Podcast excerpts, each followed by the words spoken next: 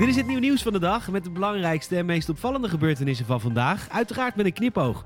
Met vandaag protesten in Rusland, boa's krijgen hun zin en Bernie Sanders in de truienhandel. Mijn naam is Peter Bouwman. Dit is het nieuw nieuws van de dag. Zaterdag 23 januari.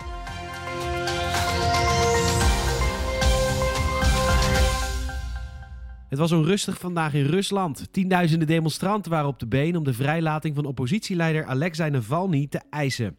In tientallen steden was het dan ook raak en gingen mensen de straat op. De politie trad hard op en volgens de NOS zijn er meer dan 1600 deelnemers gearresteerd en 40 politieagenten gewond geraakt. Hoeveel gewonden er zijn gevallen onder de demonstranten is niet bekend. Een van de redenen dat er veel mensen op de been waren was een video van een van de paleizen van Poetin. Waarde 1 miljard. De kopers, de belastingbetaler. Koning Willem-Alexander zal zich achter de oren krabben dat hij al gezeik kreeg om een sloepje. Ondertussen hebben verschillende sociale media de Russische regering geholpen door berichten die oproepen tot protest te verwijderen. Onder andere TikTok, Instagram en YouTube deden dit vanwege een Russische wet die het verbiedt jongeren op te roepen tot een demonstratie. En dat is natuurlijk heel terecht, want de politie gebruikt enorm veel geweld tijdens de protesten en dat is dus heel gevaarlijk. Overigens werd er niet overal geprotesteerd. In Irkutsk ging niemand de straat op. Daar is het op dit moment 50 graden onder nul. Het is tijd voor het nieuw nieuwsgetal van de dag. Je krijgt nu een getal en aan het einde van de podcast de context. Het nieuw nieuwsgetal van de dag is 360.000.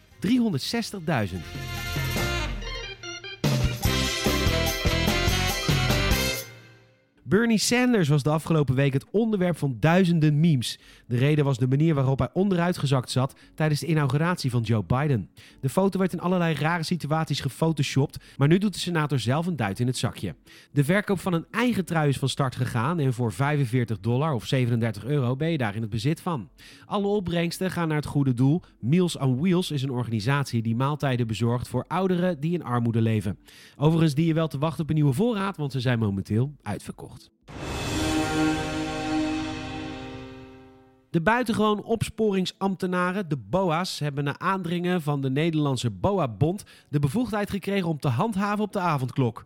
Ze kunnen dit doen vanaf maandag, bevestigt Ruud Kuin, de voorzitter van de BOA-bond. Aanvankelijk leek het erop dat de BOA's wel s'avonds na 9 uur zouden worden ingezet op straat, maar dat ze niet konden handhaven op de avondklok. Dat zou heel veel gedoe opleveren, want dan is het niet duidelijk voor de BOA's zelf en ook niet voor de burgers, zegt Kuin. Nou, sorry meneer Kuin, het was wel duidelijk. Jullie mochten het simpelweg gewoon niet handhaven. Maar goed, dat mag nu dus wel en daar zijn ze ongetwijfeld ontzettend blij mee.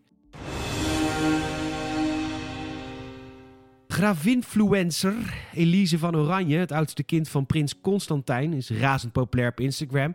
Ze zit inmiddels op bijna 23.000 volgers en krijgt tienduizenden likes op haar foto's. En dat legt haar natuurlijk geen windeieren. Ze gaat nu zelfs een boek schrijven. Dat maakt ze bekend in haar stories. Ik ben zo blij, ik kan eindelijk zeggen dat ik een boek ga schrijven. Fans van de gravin kunnen hun hart ophalen. Ze gaat haar volgers namelijk bij het proces betrekken. Houd mijn account goed in de gaten, zegt ze dan ook. Waar het boek precies over gaat is nog niet duidelijk. Wel schrijft ze het boek vermoedelijk enigszins een beetje samen, of dan net niet, of dan net wel, met de meiden van Chicks Love Food. Jee. Zij hebben onlangs een uitgeverij gestart, CLF, waar Eloïse haar boekendeal heeft gescoord. Het boek moet rond juni verschijnen. De Amerikaanse journalist en televisiepresentator Larry King is overleden. King was vooral bekend om zijn scherpe interviews. Hij maakte er in 63 jaar zo'n 60.000, veelal met beroemdheden en wereldleiders. Van Frank Sinatra tot Lady Gaga, van de Dalai Lama tot Gorbachev en Obama.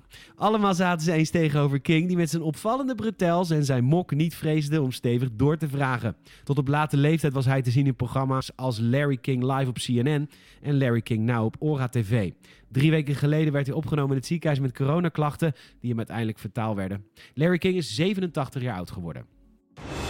thank you Het nieuw nieuwsgetal van de dag is 360.000.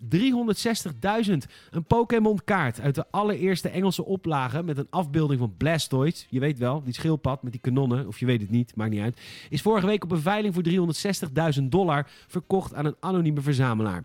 Deze unieke speelkaart van uitgever Wizards of the Coast dient als prototype voor de Engelstalige versie nadat het bedrijf plannen had om Pokémon buiten Japan op de markt te brengen.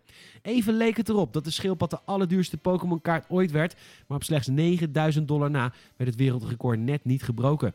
Deze eer staat sinds vorige maand op na van Blastoise vuurspuwende concurrent Charizard. Vastgoed, bitcoin, het lijkt er steeds meer op dat Pokémon kaarten de beste investering zijn. Bedankt voor het luisteren. Help het nieuw nieuws van de dag te groeien en laat een vriend of vriendin weten over deze podcast. Laat ook even een Apple Podcast review achter. Check elke dag nieuwnieuws.nl voor het laatste nieuws en volg ons ook even via YouTube, Instagram, Facebook, Twitter en TikTok. Fijne zondag alvast. Tot morgen.